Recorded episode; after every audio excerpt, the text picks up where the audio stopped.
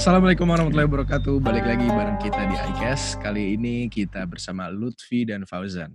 Kali ini kita akan membahas sesuatu yang menarik yang udah lama mungkin ditunggu-tunggu, yaitu bahas tentang produksi, tahap-tahap dalam produksi atau pembuatan film dan video-video. Oke? Ya. Jadi ini uh, ala kita aja sebenarnya. Jadi bagaimana kita pada saat uh, memproduksi suatu film pendek atau apa. Gitu. Betul. Ala Imani Studio ya. Ya betul. Jadi kalau misalkan uh, ada yang nggak sesuai atau apa pun, uh, ya uh, mohon maaf. Sesuai Kalian bisa juga sih cari ya. referensi, cari iya cari referensi di uh, sumber lainnya. Tapi ini kita pengen sharing gimana kalau kita bikin film pendek gitu dari awal sampai akhir. Yoi, benar sekali. Jadi um, ini apa kabar dulu nih? Apa kabar dulu nih para pendengar iCast nih? Oh Udah, baik, alhamdulillah baik. Udah episode 11 berarti. 11 cuy. Tinggal satu episode. Tinggal terakhir nih nanti. Kita nggak tahu gimana kelanjutannya. Enggak sih Bang, nggak tahu. Yeah. Spesial yeah. nanti, spesial. Tadi kita ada rencana mau apa? live streaming, live streaming untuk yang episode 12 terakhir. Bener. Tapi ya teman uh, kita ngeliat prosesnya mungkin uh, Agak tidak memungkinkan. Uh, jadi ya, kita uh, mungkin akan agak kesusahan kalau live juga sebenarnya. Takut dari yeah. internetnya dan segala macamnya nanti jadinya kurang nggak apa susah lah pokoknya. Oke. Okay. Okay. Semoga di episode kali ini bisa temenin kesibukan kalian menunggu buka puasa. Oke, gimana? Lanjut ya.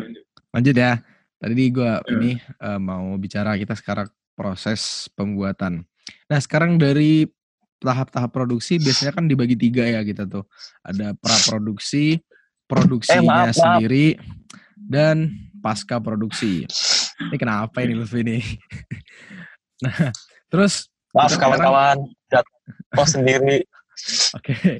Nah, sekarang kita ngebahas uh, eh, praproduksi. Praproduksi itu proses sebelum semua sebelum proses produksinya gitu kan.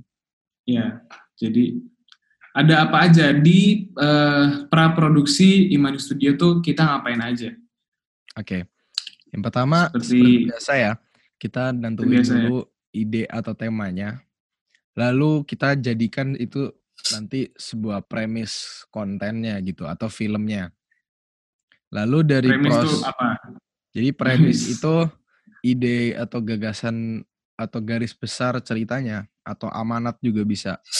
Kayak misalkan hmm, kita pengen buat film tentang anak yang dibully. Ya, berarti tema utamanya anak yang dibully. Terus premisnya tergantung ceritanya kita mau buat uh, tentang bagaimana gitu dari ceritanya.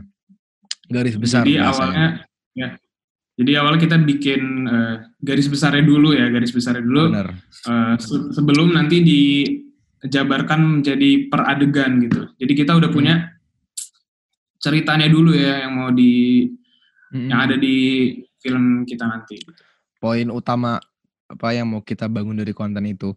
Nah, tapi di luar itu juga kita kita harus me, apa kita nih Imani harus membahas apakah konten ini akan uh, menarik karena kita harus apa sesuai dengan audi sesuaikan dengan audiens kita dengan penonton penonton kita jadi kita harus um, bahasanya brainstorming gitu ya bahasa kecenya nah abis mikirin nah, itu okay. sampai nemu tema atau premis yang bener-bener pas banget nih tuh hmm. jadi di sini kita tuh kadang uh, emang uh, idenya atau misalkan um, cerita utamanya tuh suka datang dari uh, satu orang atau enggak hmm. uh, suka datang dari uh, dua orang gitu misalkan.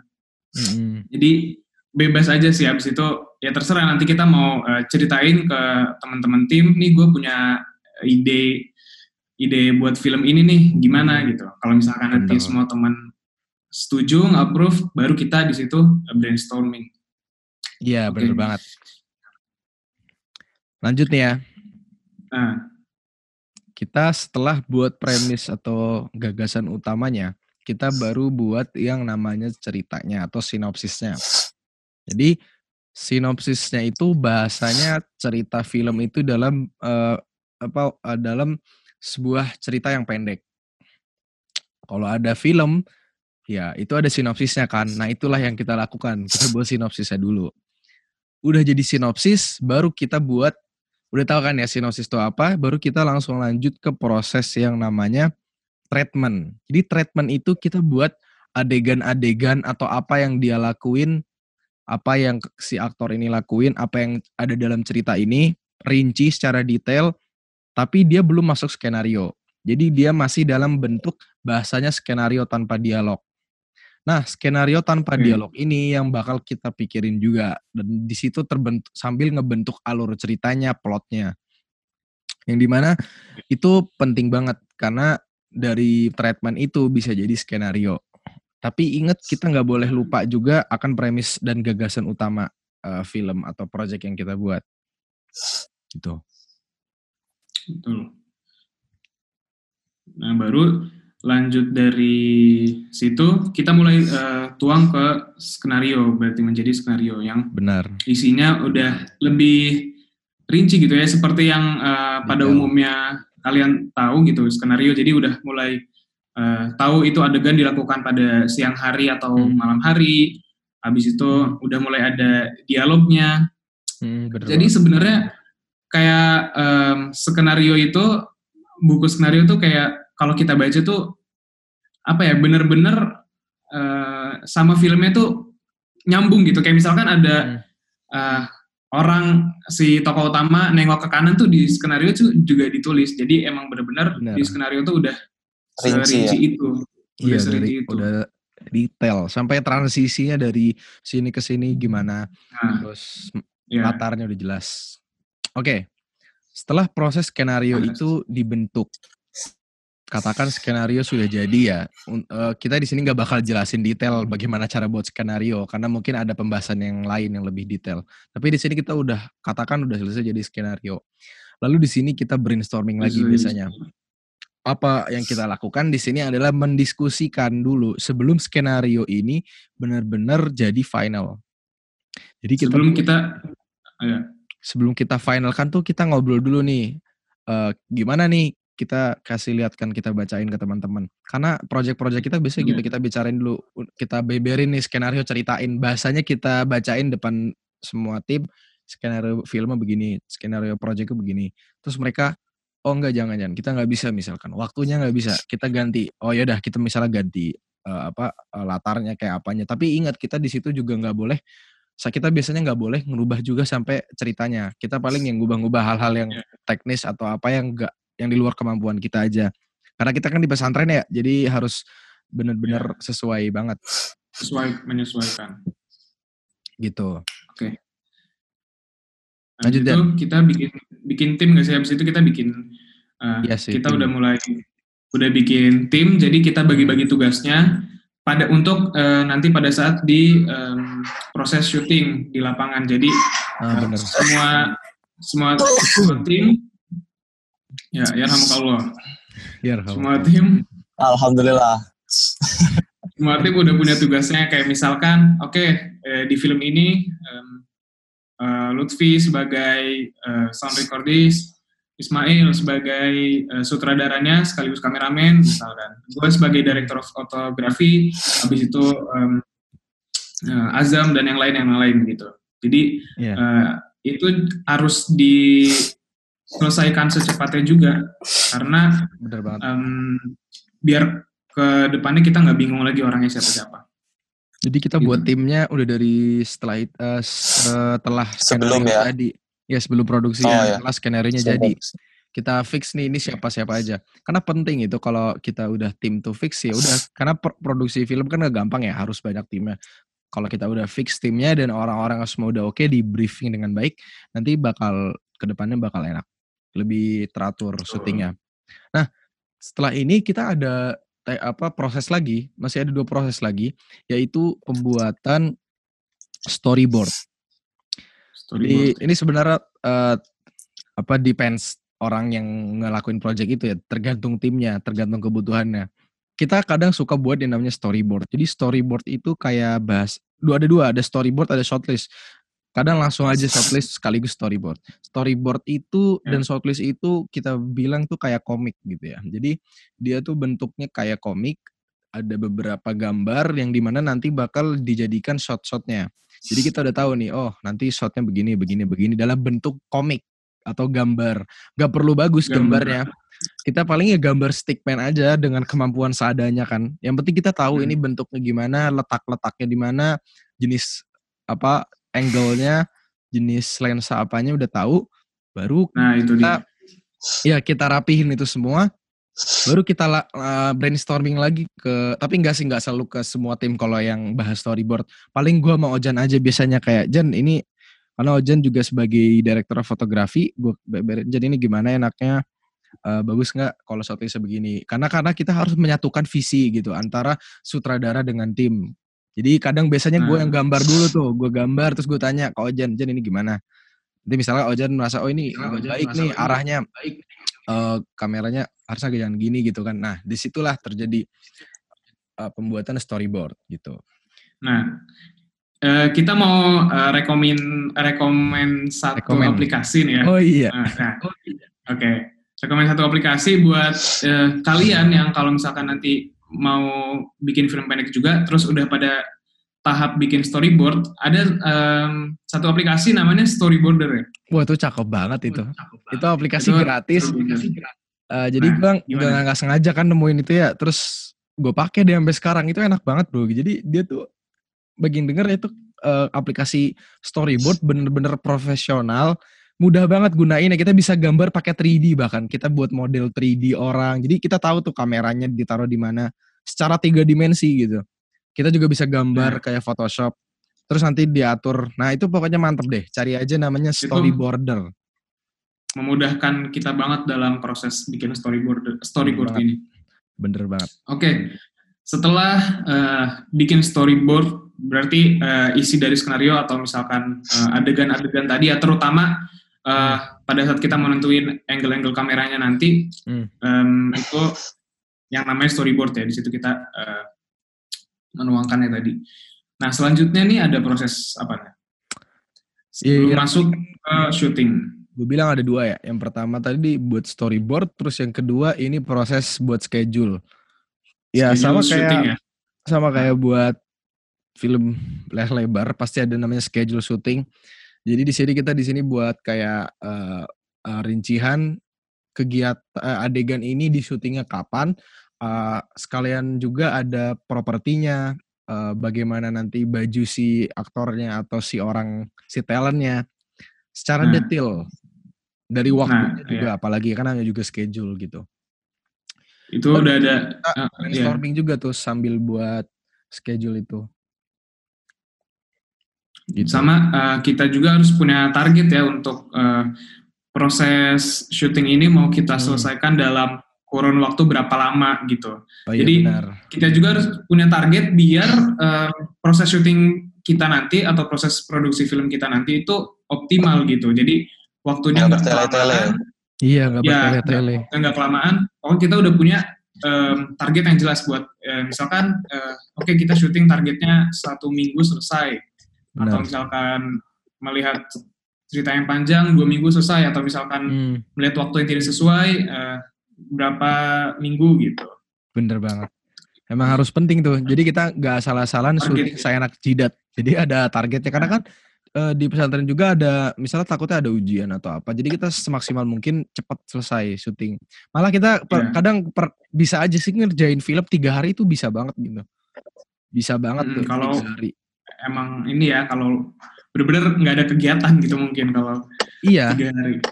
Iya, karena kan film pendek juga ya kita rata-rata jadi sebenarnya nggak terlalu susah. Tapi ya itu gue bilang juga gampang aja sebenarnya kalau kita udah bener-bener oke nih dari persiapan, iya bisa aja seminggu tuh bisa syuting banyak gitu, atau tiga Iya. hari malah. Asal kan udah disiapin ah. dari jauh-jauh hari dengan matang.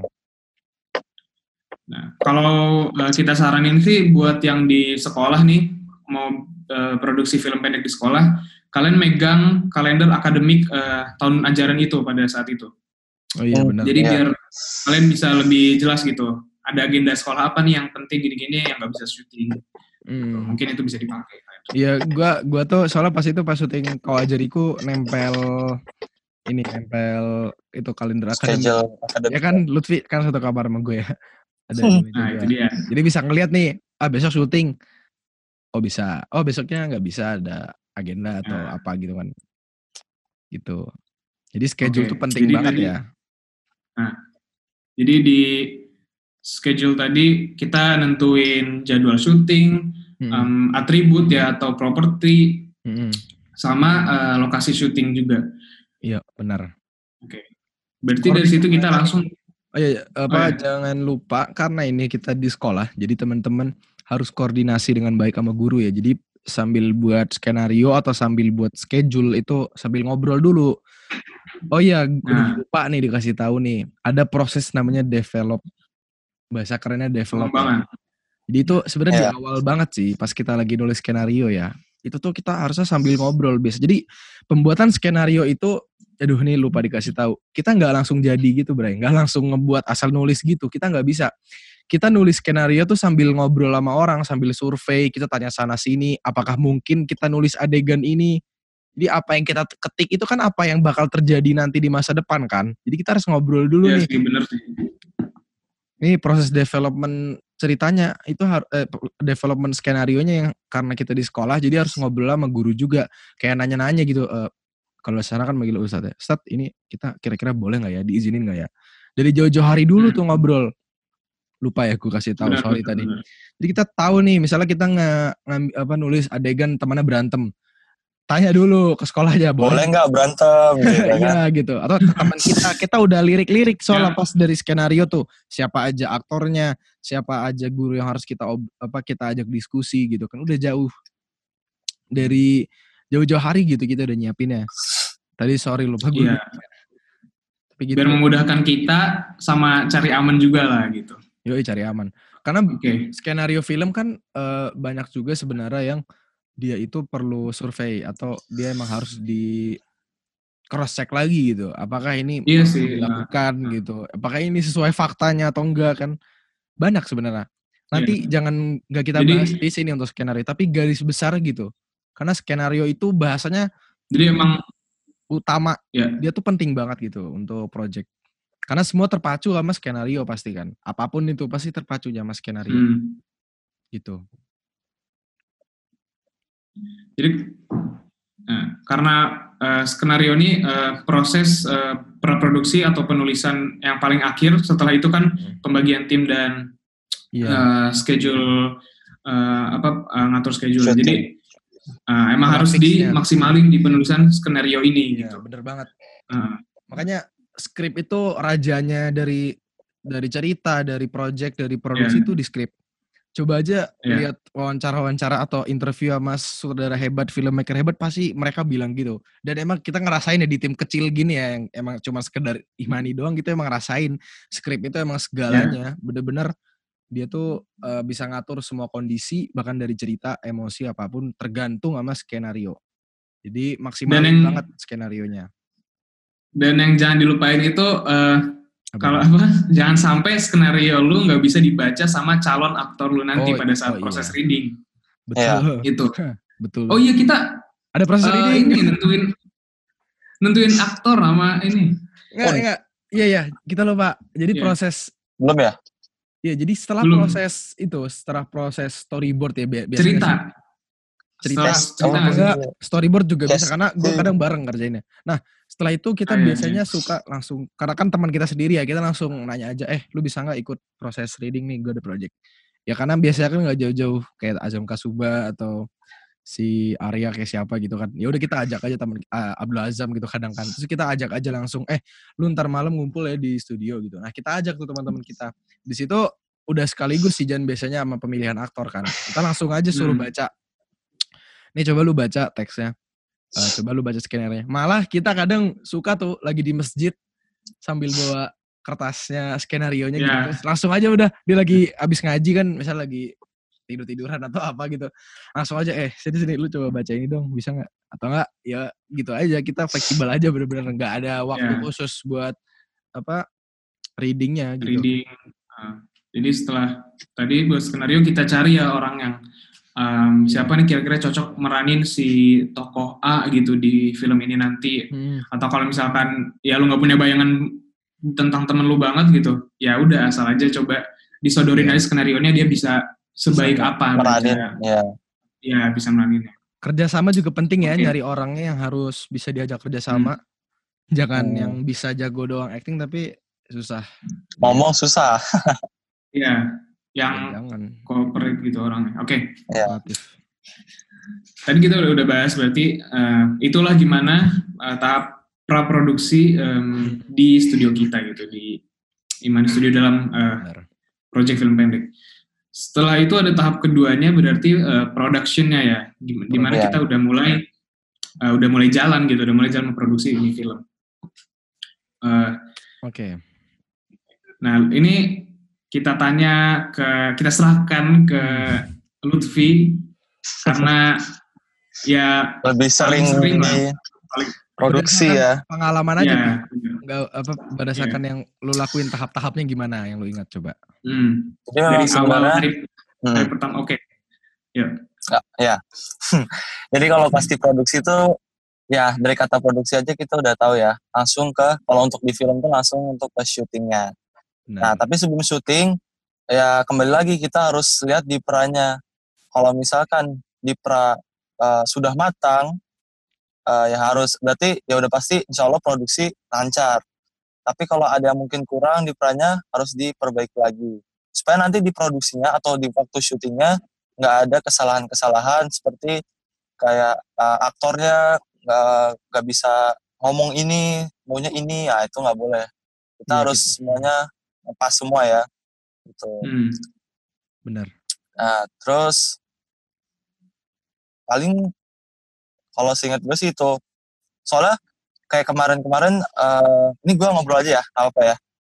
Ya, silakan silakan. Ah, Silakan, silakan. oke Ini soalnya bisa aja gini kita udah se- yang di pra udah disiapin oke eh, contoh nyari aktor terus kita sodorin ke tadi sodorin skrip terus oh bisa nih oke pas di syutingnya semua udah standby eh eh, pas actingnya susahan nah kayak gitu itu yang Hmm, kadang jadi PR untuk kita juga kayak gitu Oke.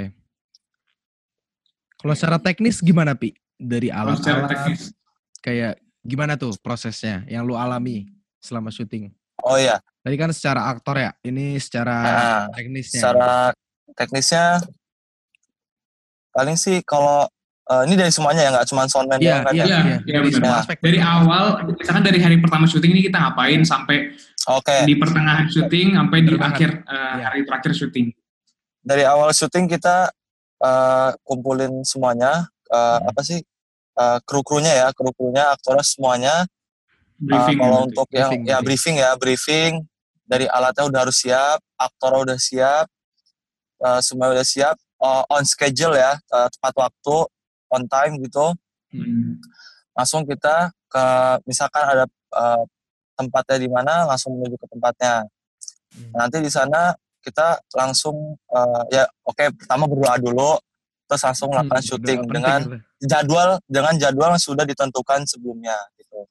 Nah Oke. nanti setelah eh, setelah kita selesai syuting sudah misalkan diwaktukan seminggu gitu ya seminggu nanti setelah itu kita eh, apa tuh apa sih namanya yang kita ngecek lagi gitu eh, Oh. hasil syuting kita Oh iya, iya. Review.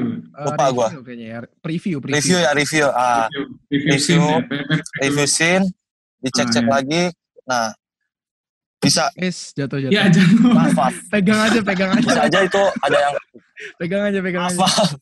Oke. Iya, iya.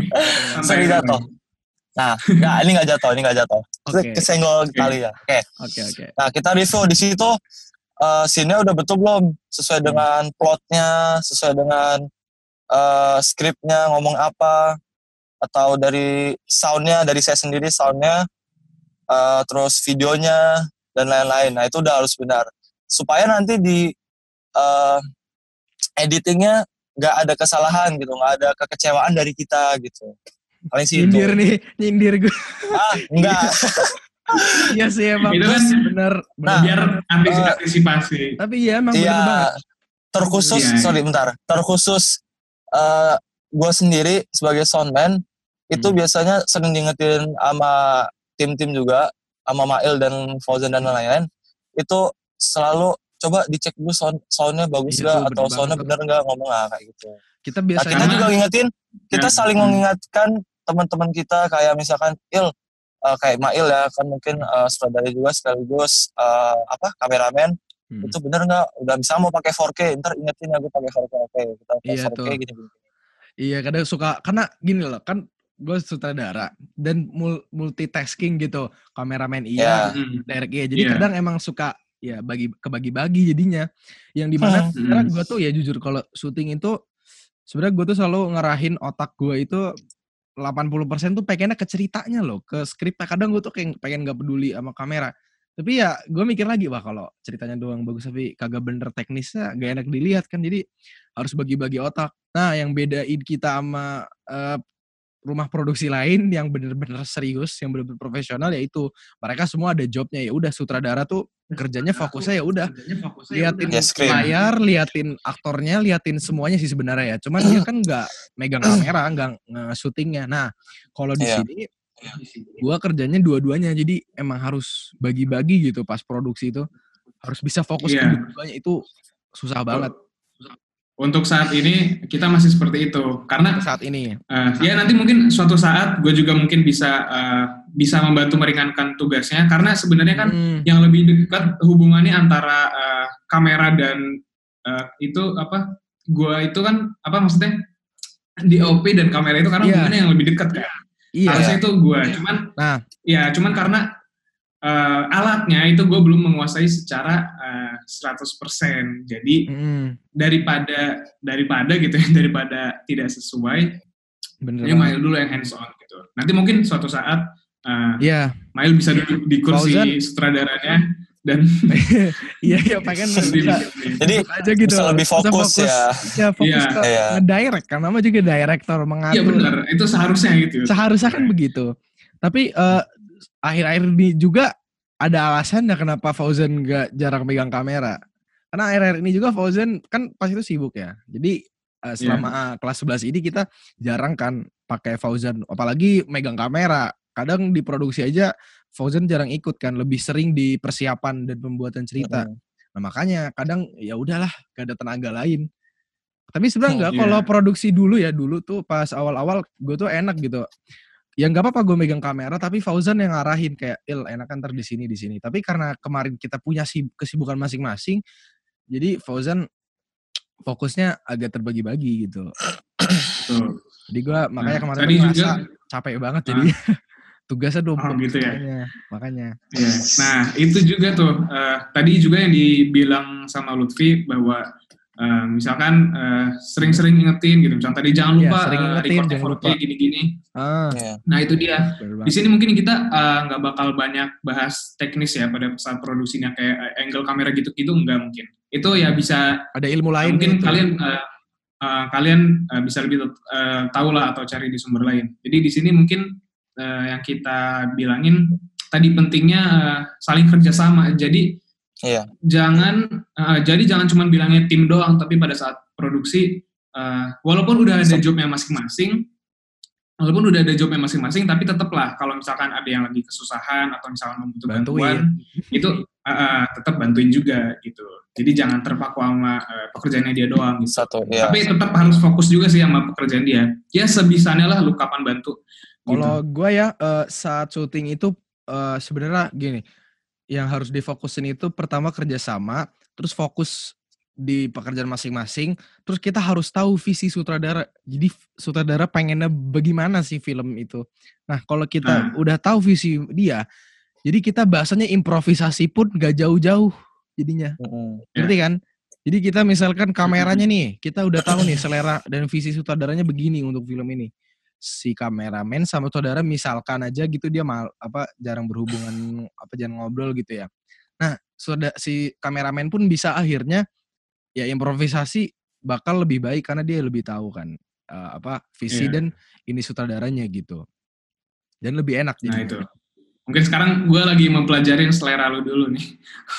Iya, nah makanya Iya mungkin Fauzan karena apa kemarin dia mungkin belum terlalu mempelajari selera gua ya karena emang apa mesti abstrak juga sih sebenarnya gue mesti mencari selera gue sendiri gitu karena ya gue masih belum Iya. bisa dibilang filmmaker beneran ya masih ya banyak belajar lah nonton-nonton orang lain, nonton sutradara, sinematografer lain buat nemuin selera yang pas buat sinematografi Betul. gitu.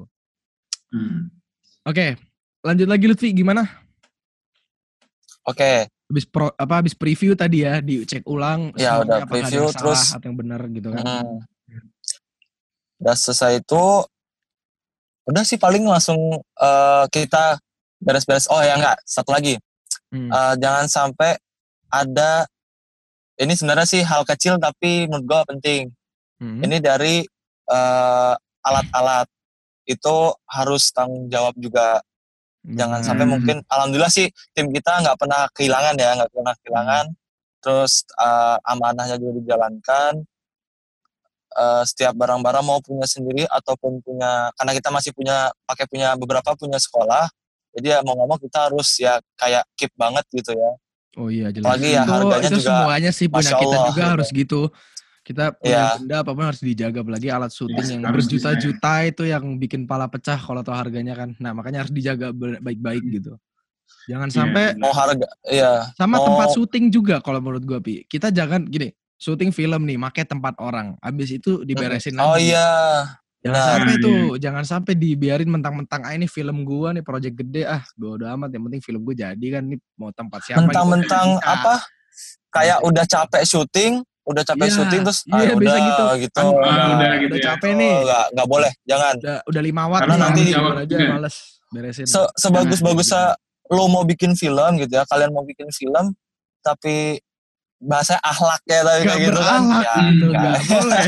kayak gitu. Jadi- boleh. Iya, Jadi benar. kita mementingkan hal-hal sepele itu tetap harus apa yang harus dilakukan Yoi. itu ya dilakukan. Jangan Jadi ahlak lu di depan kamera, ahlak lu di belakang Sama, kamera ya. harus sama gitu. ya Iya banget. Benar-benar. harus baik ya. Paling itu Oke. aja dan kita langsung balik ke tempat Jadi semula. gue tambahin singkat aja untuk proses produksi ini. Jadi gitu, bener kata Lutfi dari awal kita harus fokus dulu dari kerjasamanya udah oke, baru kita syuting. Setelah syuting, jadi syuting nggak mungkin kita jelasin ya, karena udah tahu kan syuting bagaimana sih. Ya, Ya. syuting semuanya Ya, bekerja. ya. Iya. syuting semua bekerja dari yang ti- tim lighting, yang bawa-bawa alat, yang si aktornya sendiri, kameramen, saudara semua Hmm. bekerja. Pak. Jadi bahasanya semua itu berjalan pada saat syuting dan itu semua harus dimaksimalkan. Lu kasih kemampuan 100% lu tuh pasti di syuting gitu bahasanya kalau Iya. apa yang gua Itu proses- sama ini. Eksekusi gitu. Jadi Itu tuh ya Ah. eksekusi. Jadi bahasanya Hmm. pra produksi itu apa pemanasan, pemanasan uh, Pas- planning ya, planning. Ya, juga. planningnya pas eh, proses syutingnya tuh eksekusi gitu. Kita eksekusi kita bantai dengan cara yang baik gitu lah maksudnya. Iya. Eh, kita maksimalin di situ. Jadi semua harus maksimal ya. Nah, tadi kan setelah itu kata Lutfi ada proses preview. Nah, itu juga penting banget. Selagi kita masih di Iya. lokasi, semua masih ada, masih dapat izin, masih ada waktu, masih ada duit, kita bisa preview dulu klipnya. Karena pasti Hmm. film itu ada yang namanya retake. Bahkan adegan-adegan benar. di film kita yang Safar kayaknya itu banyak banget yang adegan terakhir tuh retake-nya banyak banget. Yang kata dia cuma Hmm. lari terus teman-temannya datang tuh ada berbagai take kan. Jadi ya gitu, kita harus bisa eh, sekaligus efisienin waktu gitu. Kecuali mungkin produksi Hmm. film Hollywood ya yang punya waktu dan budget banyak. Jadi biasanya take-nya tuh bisa sampai U20 take lah satu adegan eh satu shot Lebih malah. kali ya. Lebih kali kayak Hmm. Joker itu yang take dia 60-an. masuk ke dalam apa ke dalam gue bahas Joker mulu gak tau kenapa tapi emang gue suka. Nah pas masuk Iya. ke dalam apa More Flanking Show tuh gue lihat aslinya ada berapa puluh take. Nah tapi ya disesuaikan lagi lah. Tahu diri kan kita cuman apa santri ada batasnya jadi ya maksimalin aja Iya. gitu. Atau anak sekolah lah teman-teman. Nah kalau produksi Hollywood gitu ya mereka tuh banyak banget take-nya bisa sampai uh, 20 kali ya atau 100 gue juga nggak tahu. Tapi ya gitu. Karena kita Iya. mau menghasilkan karya seni itu yang bener-bener baik gitu. Gak asal-asalan. Kayak Perfect karena sutradara itu nggak boleh merasa cukup. Itu penting banget. Betul. Sudah sutradara nggak boleh ngerasa ah udah mah ini gini aja. Gue tuh selalu merasa kayak bahkan barang-barang Pasti, udah iya. diberesin, semua udah masuk ke dalam box. Gue tuh mikir, eh tadi bener nggak ya syuting? Aduh, tadi, Iya perasaan ya. Ada kayak oh itu Nah. ada banget. Sutradara pasti banget ngerasain kayak gitu sih. Dan Kayak ada yang ya nggak kurang gitu, sih. padahal- Kayak ada yang kurang gitu. Hmm. Tapi Hmm. emang begitu, emang begitu harusnya. Jadi kita selalu perfeksionis. kita harus ya. Jadi di momen preview tadi, kalau misalkan ada yang uh, kurang sesuai itu masih bisa diambil ulang gitu. Kayak misalkan mm-hmm. yang krusial gitu, sound gitu, misalkan ada crowd apa gitu, uh, bisa uh, retake, adegan yeah. juga footage gitu. Gue tambahin lagi, okay. ada uh, proses yang menyenangkan jika kita udah buat storyboard. Hmm. Nah, jadi kalau kita hmm. tadi udah di awal udah buat storyboard, itu memudahkan syuting kita. Ini buat bahas teknis sedikit aja ya. Jadi kita kalau udah punya storyboard, kita udah punya gambaran. Ini syuting berapa detik nih adegannya, kita udah tahu. Jadi langsung aja lihat kertas, terus kita langsung sesuaiin aja sama syuting kita. Karena ya itu gunanya storyboard buat itu mempermudah kita dalam uh, proses ah, syuting dan produksi. Oke? Okay? Iya. Nah, ya. gitu. Oke. Okay. Jadi, itu kita udah bahas proses dari pra sampai produksi sekarang. Nah, kita mulai Di masuk ke ya ke tahap terakhir nih. Uh pasca produksi ya. Pasca produksi. Hmm. Oke, jadi proses produksi itu, eh sorry, pasca produksi itu atau post production bahasa kecenya ya. Uh, yang bahasa pertama, Inggrisnya. Iya, iya bahasa Inggris saya emang. Yeah. Tapi banyak yeah. yang keren gitu kan. bahasa eh bahasa kan jadinya post production ini ada beberapa sih kayak ini gue gue yang gue kali ini pengen bahas post production ya. Jadi yang pertama kita okay. setelah syuting itu di post production tuh ada kalau ini ala kitanya itu kita nyebutnya persiap uh, beres-beres. Jadi kita semua hmm. kayak kata Lutfi tadi ya, mastiin semua alat semua tempat itu udah diberesin. Nah ini ada beres-beres lain lagi. Jadi kita beresin alat-alat itu semua kita masukin ke dalam tempatnya masing-masing. Karena kita di sini kan banyaknya kita banyak pakai alat ya. Jadi kita masukin alat ke box, terus taruh di tempat lagi di studio kita gitu dirapihin. Itu tuh penting juga karena karena kita tahu nanti pas uh, syuting selanjutnya oh tadi kita habis syuting terakhir naruh di sini. Jadi kita bisa hmm. rapihin lagi kita uh, organize gitu. Ini tempat-tempatnya di mana. Jadi Uh, kalau bisa lu punya uh, storage uh, khusus gitu atau tempat-tempat khusus buat uh, alat-alat tuh gitu. Jadi kamera-kamera semua di situ, lensa-lensa uh, di situ. Kalau misalkan banyak lensa ya, atau lighting-lighting uh, semua di situ. Jadi lu nggak bingung mau syuting selanjutnya, kamera kemarin buka syuting ini gue taruh mana ya gitu. Jadi lu udah harus punya tempat khusus. Benar. Nah, abis itu beres-beres lagi abis itu. Hmm. Setelah adalah beres-beres file. Nah ini uh, nih itu beres-beres file. File ini biasanya suka buat pusing. Uh, hmm. Gue kasih tips kalau buat film nih dulu nih film dulu. Film itu gue biasanya organize file itu per scene. Tapi kayaknya emang bakal gitu hmm. ya. Karena kita di sini kan uh, mainnya scene nggak terlalu banyak. Jadi enak aja kita misalnya folder satu scene satu, folder dua scene dua dan seterusnya. Terus semua klip itu kita masukin lagi ke dalam situ. Tapi kita pisah lagi dalam folder dalam folder scene itu ada folder audio only, ada video only atau hmm. clip only gitu. Nah, hmm. nanti video semua dimasukin ke situ, audio semua dimasukinnya ke situ. Oke. Lanjut lagi setelah itu kita udah tahu nih organize file semuanya. Dalam artian udah oke okay, semua klip berarti udah kita masukin ya. Nah, tapi catatan abis kalian copy itu jangan pernah di delete dulu tuh yang di dalam hard disk atau SSD atau SD card kalian. Pokoknya jangan pernah hapus dulu yang langsung dari kameranya dari memorinya itu. Jadi dia apa hmm. biarin aja dulu. Kita sih biasa gitu ya. Biarin aja dulu seminggu atau dua minggu hmm. sampai filmnya bener-bener udah tayang. Jadi biasanya lu tuh. Gimana? Uh, biasanya lu berarti mindahin file dari kamera atau misalkan dari uh, sound recorder itu hmm. ke hard disk atau ke komputer? Oh enggak, ini maksud gue gini, sorry. Jadi kan misalnya ada yang apa make karena kan kamera itu nggak bisa nggak pakai hard disk eh nggak pakai SSD doang eh nggak pakai SD card doang rekamnya ada yang pakai SSD ada yang pakai hard disk biasa gitu kalau apalagi kalau kamera sinema dia ngerekamnya pakai SSD biasanya Nah ini masa kalau ada yang ngerekam pakai yang itu aja sih. Nah sama aja. Oh. Nah tapi biasanya gue ya kadang sih bisa dua-duanya gue biarin di eh, apa SD card atau gue simpen di hard disk juga jangan kadang. Jadi sebagai backup gitu. Oh iya iya. Nah pro tips atau saran juga bagi kalian yang punya budget tinggi misalnya punya SSD entah di komputer kalian atau kalian emang punya SSD eksternal itu kalian pakai itu buat ngedit ini saran aja ya. Jadi kalian masukin semua di dalam SSD. SSD uh, mahal Ya kalau SSD extra mahal sejuta lebih. Kalau SSD yang buat komputer biasa nggak terlalu mahal yang buat internal ya.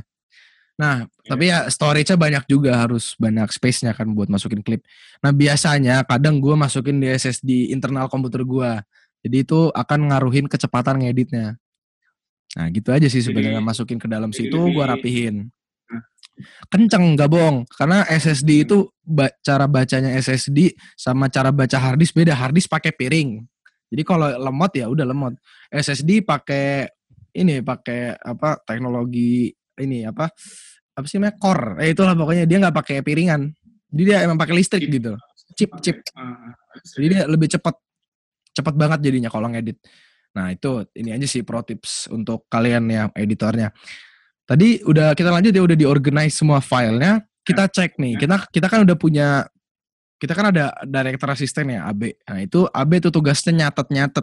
Jadi kita itu saat syuting ngebuat yang namanya uh, apa sih namanya script continuity. Ya, apa sih itu ya biasanya ya sebutnya? Lanjutan. Script, apa sih jadi dari kesinambungan antara, dari antara klip-klip itu. Iya, jadi data yang ada di nah. Clapper nih, misalnya Clapper nih di sini. Clapper ada role apa sih uh, scene-nya ada role-nya, ada tag-nya. Hmm. Nah, itu semua data itu ditulis di apa di tab tabel itu. Kita mungkin nggak bisa liatin tabelnya bentuknya gimana, tapi ya jelas nomor satu, terus scene berapa, take berapa, atau role berapa, baru kita checklist kanannya itu pas syuting itu dipakai nggak klip itu. Kalau enggak ya di X. Kalau dipakai disetujui nama saudara pas syuting berarti di checklist. Gunanya apa? Nanti pas kita checking kita tahu nih mana klip yang dipakai sama kagak. Karena kan pas kita mau syuting kan ada clapper ya. Jadi kelihatan tuh angka-angka itu nyambung kagak sama tulisan yang ditulis sama si director asistennya. Ngerti kan ya? Mungkin nah, teman-teman ya. Itu ya, yang kalau orang syuting. Ya. Eh, sorry editing. Kalau orang mau kalau orang mau nyari tadi contoh tabelnya tuh ngetik di Google apa tuh? Keywordnya. Uh, gue nggak tahu ya kalau di Hollywood Hollywood atau yang lain pakai ini. Tapi gue uh, nemu aja cara ini gitu. Ini nggak tahu oh, ini kayaknya dari kita aja ini. Jadi dia oh, ada kalau script continuity lain kalau ini ya kalau Hollywood dia ada divisinya lagi Jan namanya script continuity supervisor script supervisor. Jadi tuh orang khusus orang khusus cuman nentuin dia tuh yang ngeliatin ini apa apakah berkesinambungan atau kagak. Bener. Oh iya iya. Coba cari deh itu Hollywood Script Continuity Supervisor atau apa ada tuh yes. biasanya. Emang tugasnya merhatiin kes, ke apa apa kesinambungan tiap klip, adegan dan shot gitu. Hmm. Jadi kayak misalnya nih uh, ini adegan ini shot berapa ini dipakai apa enggak, ada kesalahan apa enggak. Uh, tadi gelasnya ditaruh di kanan apa kagak, terus shot keduanya hmm. di mana, oke, okay? kayak gitu gitulah. Nah itu. Nah itu, itu bakal mudahin proses. Uh, itu kalau Hollywood mereka kayaknya nggak tahu ya. Kayaknya sih nggak pakai deh kalau yang sampai gue bilang tadi pakai list terus di tabel gitu nggak tahu kayaknya enggak deh. Itu kita sempat ini juga aja. kan. Kita uh, itu bisa juga kalau misalkan ini dilakuin pas proses syuting. Jadi ada uh, satu orang yang nyatet gitu. Jadi mungkin selain uh, director assistant oh, iya, gitu, iya, punya iya. lagi director assistant lagi ada dua gitu. Yang satu buat nyatetin uh, tadi oh, yang iya, iya, benar. isi yang ada di Clapper, satu yang nyatetin uh, tadi um, properti yang kita pakai misalkan di scene satu uh, pakai jam tangan di kanan gitu scene dua berarti harus uh, di kanan juga gitu mm, iya tadi bener. yang uh, itu gelas, script gelas supervisor sebenarnya beda sih sama script continuity uh. cuman intinya mereka per ide yang merhatiin uh, ininya merhatiin apa tiap adegannya kesinambungannya itu loh yeah. Oke, okay, lanjut lagi ya ke bahas editing post production. Nah, tadi kita udah organizing, kita udah masukin ke SSD. Sekarang yang paling penting uh, kita udah tahu nih klip-klip semua udah oke okay. Kita cek lagi kan tadi, udah masuk semua nggak nih? Takut ada yang kagak masuk kan. Baru kita mulai editing. Nah, di sini bahas editing ini agak detail aja ya karena namanya post production kan editing ya.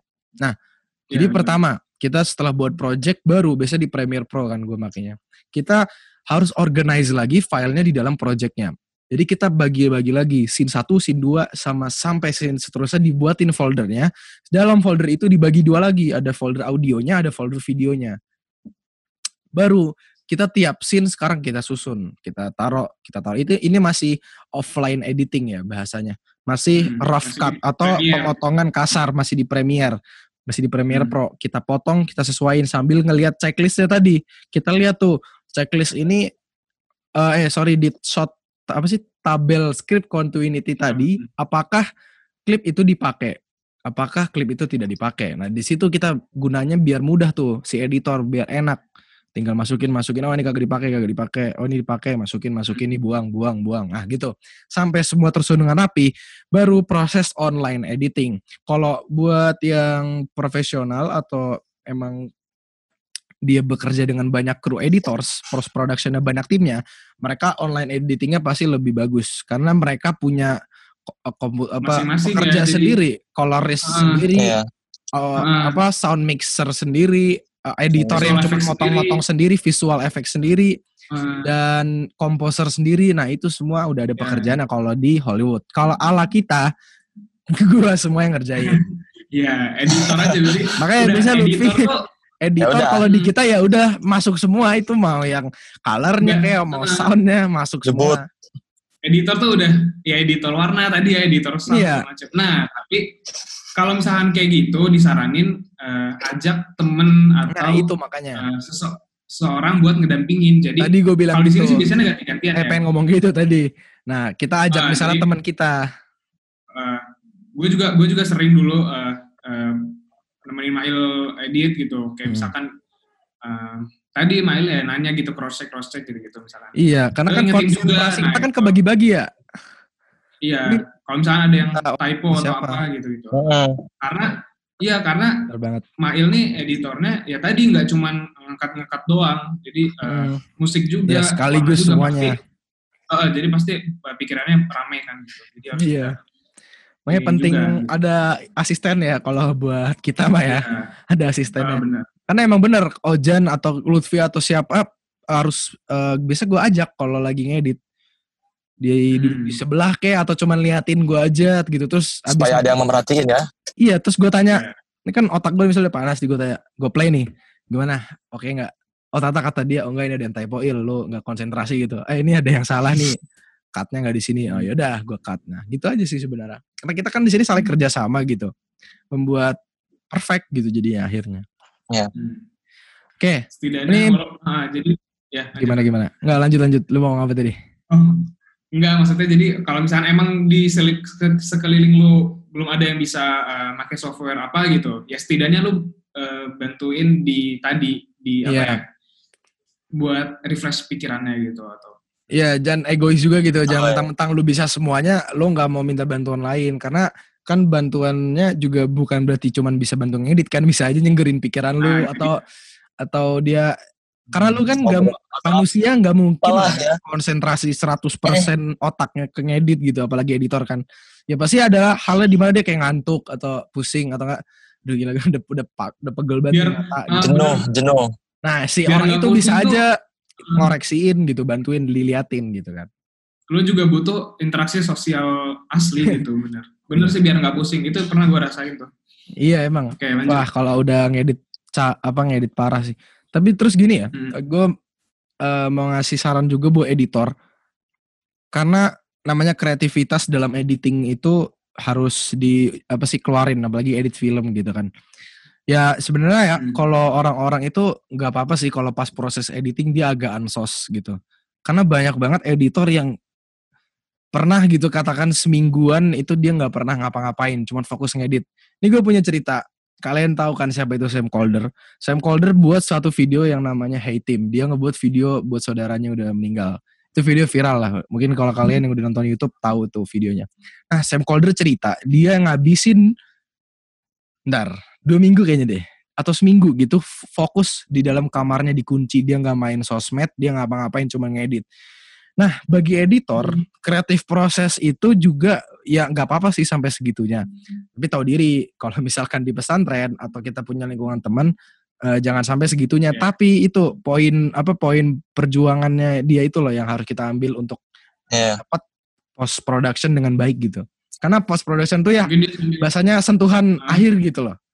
Yang di mana menentukan nanti film ini bakal gimana hasilnya. Editannya yeah. bakal gimana itu ditentukan banget reaksi emosi oh. penonton. Oh ya, gue dapat ini juga eh, baca-baca dari apa? Ada artikel emosi itu kalau nggak salah berapa puluh persen dari editing gitu. Jadi yang terpenting itu pertama oh. emosi. Emosi itu paling penting banget buat editing. Yang kedua itu adalah ceritanya baru. Nah baru sisanya yang lain-lainnya. Jadi emosi itu penting. Karena kalau cerita, ya kita kan ceritanya udah segitu aja yang kita shot. Jadi ya sekarang kita pentingin editor itu harus bisa buat emosi yang bagus.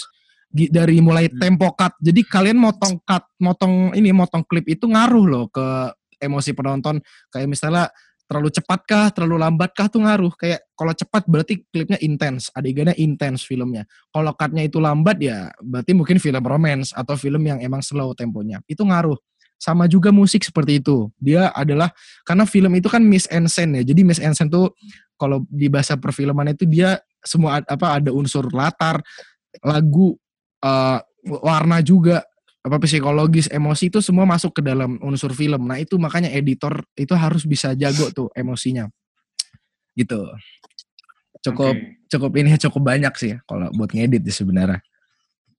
Oke, okay, nih bisa di, bisa diperhatiin ya uh, buat kalian yang di studionya atau di uh, house apa production house-nya jadi editor tadi dari ya, mana aja itu bisa nentuin ya. emosi filmnya gitu ya. Hmm, dari cut doang. Oh. Oke. Okay. Gue apalagi? Yang, yang, mungkin kita mandang orang-orang awam mungkin uh, mungkin mandang cut ya udah cut aja kayak. Iya. Apa sih biasa motong-motong aja gitu. Iya, padahal itu pekerjaan sih? yang gila loh, itu susah banget loh. Apalagi hmm. nyambungin film-film gitu. Otak kita harus okay. kebagi ke mana-mana, emosinya dapet gitu kan. Nah itu susah juga. Okay. Uh, eh, kalau kuncinya ya, bagi editor tuh latihan aja sih nggak perlu susah-susah. Uh, kita harus ngulang-ngulang aja terus kita latihan ngedit-ngedit film project atau nggak kalian buat klip-klip simpel di rumah terus coba diedit dengan seadanya aja. Hmm. Itu bakal ngelatih kemampuan otak kalian untuk ngasah nanti jadinya udah kebiasa gitu kalau udah ngedit. Latihan, gitu. latihan dan ya sering-sering nyari tutorial gitu ya. Kayak misalkan hmm. nih Ismail lagi bikin uh, Adobe Premiere Pro uh, oh, iya, bener. editing tutorial di di channel YouTube dan Instagramnya. IGTV juga ada. Mulai dari ya. buat yang beginner ada nanti ada. Nanti ada lah gue buat tutorial-tutorial lainnya, insya Allah. Nah itu dia, bisa dicek juga. Oke, okay, okay. tadi uh, kalau misalkan lu bilang uh, mau bahas di editing ini lebih khusus, secara di editing uh, software, mm -hmm. apalagi nih yang mau lo kasih tahu selain tadi um, mm. uh, gitu. Uh, terakhir aja, jadi color. Kalau menurut gua warna itu penting banget dalam editing karena warna itu color grading itu ngaruh juga kan namanya emosi, jadi itu ngaruh banget. Apalagi itu itu paling ngaruh sih kalau bisa gue bilang ya. Perta karena pertama kali yang lu lihat di film itu ya colornya kan, warnanya kan, gambarnya kan yang pertama dilihat. Baru kedua suara, baru keceritanya, emosinya gitu kan. Hmm. Kalau menurut gue, ya usahain warnanya tuh sesuai moodnya. Jangan kalian mentang-mentang punya loot ya L apa tau lah loot loot gitu kan di komputer kalian asal ceplos-ceplos aja biar kelihatan keren. Ya jangan gitu karena emosi itu penting. Ya bahkan kalau film itu gak butuh color grading dia perlunya natural. Ada satu film yang natural banget menurut gua warnanya itu film Joko Anwar yang namanya tuh okay. apa sih yang filmnya yang di Jakarta? Aduh, Tara Basro Wait, ke gue lupa namanya. Uh, film pendeknya ya? Film pendek bukan? Enggak, enggak. Film panjang. Duh, gue lupa nih namanya. Astaga, astagfirullah. gue lupa. Nah, pokoknya itu, pokoknya itu film itu dia syutingnya di Jakarta. Syutingnya di Jakarta dan itu color natural banget. Yang di mana emang dia pengen aja ngeliatin Jakarta secara natural. Lagi-lagi uh, colornya juga bisa dikesuaikan dengan visi, visi sutradaranya gitu. Hmm. Oke, okay, gitu aja buat color grading. Ada lagi nggak nih di proses uh, eh, post production? Berarti kalau hmm, misalkan apa kita ya? udah selesai udah, selesai edit deh gitu, misal udah selesai edit, apa yang oh, uh, kita, ini kita pendistribusian. Jadi kalau udah diedit kita harus ya bisa diupload di YouTube terus eh, promosi kalau mau. Kita nonton bareng dulu, abis itu kita nonton bareng dulu. Oh ya kita oh, ya screening terakhir screening screening itu kita nonton oh, iya. bareng semua. Itu kita uh, setujuin nih atau enggak ada yang minor-minor bisa ditambahin kan. Biasanya gitu. Baru deh kita bisa distribusiin ke YouTube. Karena ya kita platform kita di YouTube Maaf. aja. Itu lagi kan Lutfi ini. Tiga kali. Gitu. Sunnah, sunnah Rasul tiga eh nggak ada yang canda. Dah lanjut. distribusi Air, uh, las. rilis Distribusiin rilis. Sesuai tanggal yang udah lo mau ya udah kalian mau. Jadi Ya biar kece kalau mau gitu kan dipromosiin. Tanggal sekian. Kamu kalau nah betul banget. Kalau bisa tuh uh, ini kan film pendek ya fleksibel. Maksudnya Iya. ini indie gitu loh kita yang buat sendiri tanpa ini, ini. kalian bisa uh, tentuin tanggal-tanggal uh, Hmm. yang pas yang momennya pas buat rilis film kalian itu. Kalau misalkan kita uh, uh, kalau misalkan kita bikin film contohnya yang kita bikin Safar itu tentang um, Ramadan kan suasana segala macam nah buat biar pas kalian bisa uh, kita ya pada saat Hmm. itu ya udah biar pas rilis pada saat bulan Ramadan lah gitu jadi Benar. pas kan gitu bener itu banget. bisa itu juga bisa masuk juga Jadi kalau menurut gua eh, kita tuh bisa distribusin film kita tuh ya kita tahu ini juga lingkungan kita apakah film ini cocoknya di, Hmm. di YouTube ataukah ini emang diperuntukkan untuk festival itu harus dibicarain dari sebelum-sebelumnya gitu. Karena banyak juga Iya. para indie filmmakers itu banyak yang emang misalnya emang diperuntukkan untuk festival. Jadi emang dia oh target gua mah festival doang gua. Oke, bukan buat Hmm. senang-senang doang. Nah, itu juga perlu diperhatiin dari awal agar Ya. visinya jelas. Nanti pendistribusiannya juga lebih jelas. Nah, tadi ya gua ngomong film Joko Anwar ya. Nah, gue tadi habis searching di Oke. Google, gue baru ingat namanya A Oh. Copy of My A Copy of My Mind, oke. Itu, oh itu film panjang itu film panjang itu film panjang. Itu film buatnya Iya. tiga, aduh, gue itu film tiga hari doang loh katanya. Dia buat tiga hari doang bener-bener eh gue denger podcastnya tuh kayak Film pendek itu ya. kagak film panjang, film layar lebar. Joko itu Anwar. gue pernah lihat sih posternya Ini Poster. tahun Di share 2015. Tahun 2015. Itu Tahun kalau nggak salah buatnya cuma berapa hari loh. Itu syuting di Jakarta, di kos-kosan, di apa kayak tempatnya tuh benar-benar natural banget. Gue kan denger podcastnya pas itu ya, kayak iya masih Joko Anwar juga. Jadi mereka si tim itu nge-review filmnya sambil podcast kayak kita. Jadi kita nonton bareng itu mereka ngobrol-ngobrol dulu gue nge-shootnya gimana gimana. Itu gue dengerin mereka tuh natural banget. Jadi bener-bener apa ya feelingnya tuh natural banget. Nah itu gue suka tuh dari film itu. Eh, makanya tadi nyambung ke color grading ya, karena gue bilang kan dia si Joko eh, mungkin Joko Anwar atau colorisnya nggak terlalu ngebuat color atau bener-bener pop up atau bagaimana, tapi dia pakai yang natural look gitu. Nah itu yang mungkin yang tadi gue bahas ya. tadi yang Oh, Copy of My Mind namanya. Ya Allah, gue baru inget. oke. Itu bisa dia. kalian tonton tuh ya itu Bisa. 2015 itu berarti kayaknya belum banyak yang denger tentang Joko Ya, itu Anwar. filmnya itu film mah buat berapa hari, budgetnya dikit banget katanya, langsung menang Hmm. masuk ke ini film Venice Festival kalau nggak salah. festival apa Eh bentar, gue cek ya. Kalau nggak salah sih masuk festival. Ntar, gue gue cek dulu. Gue takut salah nih.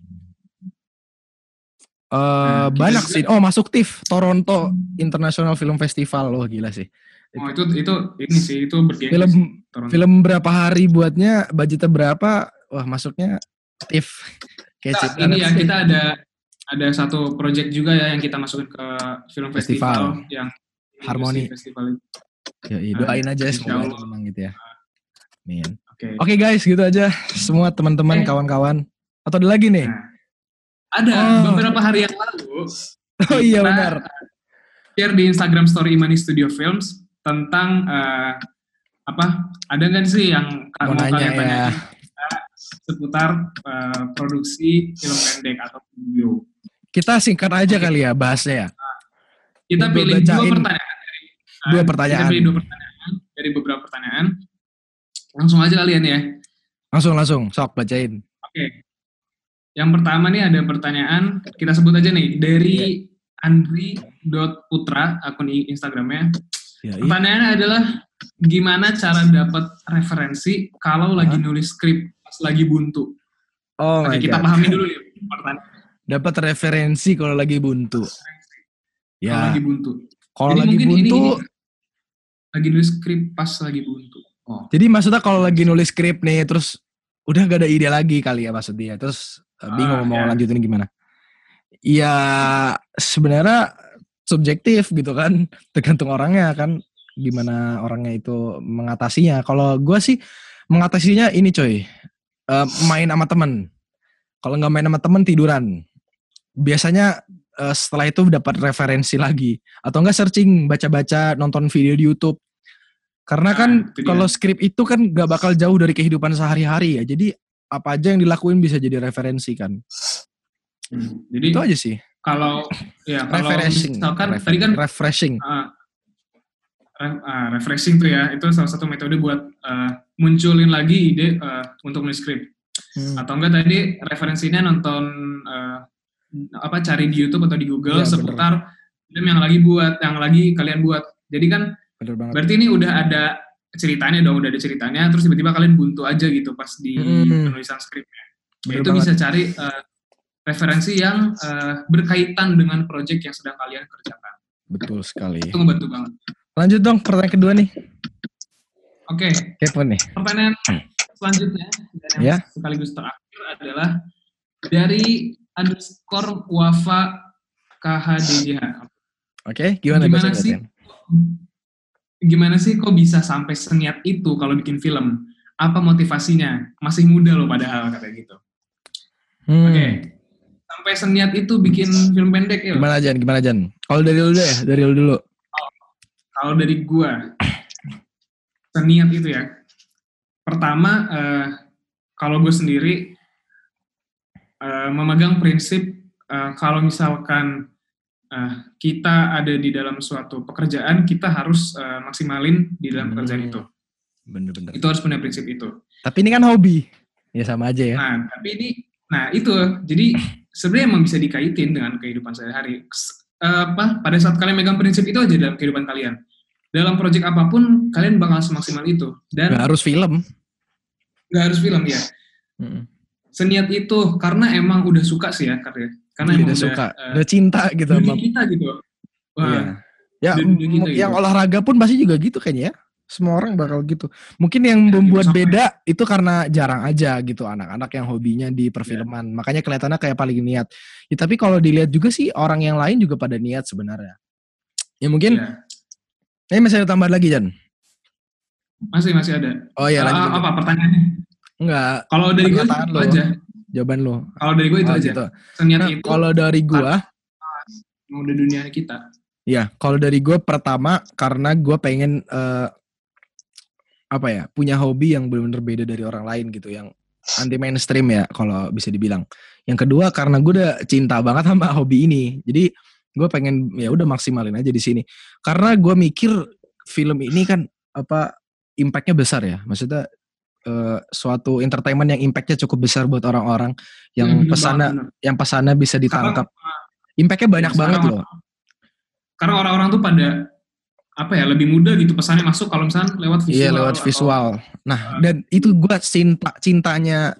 Kenapa gue bisa cinta ini dengan dunia perfilman senior ini? Karena gue mikir eh, gimana caranya lewat gambar aja kita bisa eh, nge-influence orang banyak gitu. Dari cuman sekedar ngerekam sesuatu kita buat cerita tuh bisa influence orang. Makanya gue tuh merasa Hmm. ya itu karena gue bilang eh, udah jatuh cinta gitu ya. Udah paham betul lah kenapa eh, perfilman atau produksi video itu benar-benar berguna dan bermanfaat. Ya selagi di jalan yang bener gitu kalau kita melenceng juga nggak baik kan. Gitu aja sih. Sama itu pengen punya hobi yang beda aja sih dari orang kebanyakan. Gitu. Oke, kalau dari Lutfi, Lutfi, gimana, Pi? Kok bisa sampai seniat itu? Kok bisa banget niat sampai masuk Imani Studio gitu dan ngelakuin ini? Ah. Halo, Suaranya nggak halo ada. Lutfi. Oh ini dia ada. Gimana gimana? Yang pertama memang eh sorry, nggak tahu nih, gua nggak terlalu kedengeran. Tapi Oke, kalau oke. misalkan Oke, aman aman. Suaranya agak putus-putus ya. Oh, Halo. halo. Oke guys, jadi ini seperti ya Lutfi agak in- koneksinya mungkin ya. Eh tapi ini seriusan ini dia hilang loh. oke sorry sorry. Oke oke. Ini Ah, lanjut gimana tahu gimana? sinyalnya. Oke lanjut. Nah, Gimana bisa sampai seniat itu Jadi gini, tadi pertanyaan, pertanyaan terakhir eh seniat itu sama aja gini, gue perumpamaan dulu ya, gue perumpamaan dulu. Aduh pengen ketawa. Oke. Perumpamaan dulu. Bentar. bentar. Itu yang tadi yang nanya cowok apa cewek? Nggak tahu. Nggak tahu Namanya sih kayaknya General sih kayaknya nih mah. Kita kayaknya jawabannya buat general aja, Oh. Pi. Buat Ya. buat cewek, buat semua Ya. orang. Gimana nih? boleh. Ini aja deh, nggak apa-apa, nggak masalah. Kok bisa sih? Ya. Kok kok bisa seniat itu ya sama aja lo gini ini perempuan aja tapi nanti ada jawaban kok. Hmm. uh, lo udah mencintai seorang gitu ya. ini saya kalau kayak yang lain so, lo udah mencintai seorang lo udah tapi tapi uh, cewek uh, tapi itu cewek kayak ih susah banget. Nah lu udah niat nih lu udah mantap lu udah ah pokoknya harus dapat dia. Lu kejar terus sama aja kayak hmm. kita juga gitu. Kita udah bikin film memang passion kita di situ. Masya Allah. Uh, kita passion di situ kita punya apa yang kita mampu jalankan hmm. ya kita jalani gitu. Ya kayak contoh gue SMP uh, mungkin ya uh, pernah ikut ngerti masalah kayak fotografi mungkin beberapa videografi. Jadi kok bisa mengikuti oh gini loh apa prosesnya uh, uh, apa ikutin syuting gitu kan. Hmm. jadi udah ngerti tuh udah ada bayangannya. Oke. Okay. gitu, kayak gitu gitu sih. satu lagi nih uh, apa motivasinya jadi benar kata Fauzan tadi hmm. uh, uh, gak gak semua apa ya nggak semua sorry nggak cuma di film. Iya. Oh motivasinya ya ya itu sih tadi tadi gue bilang.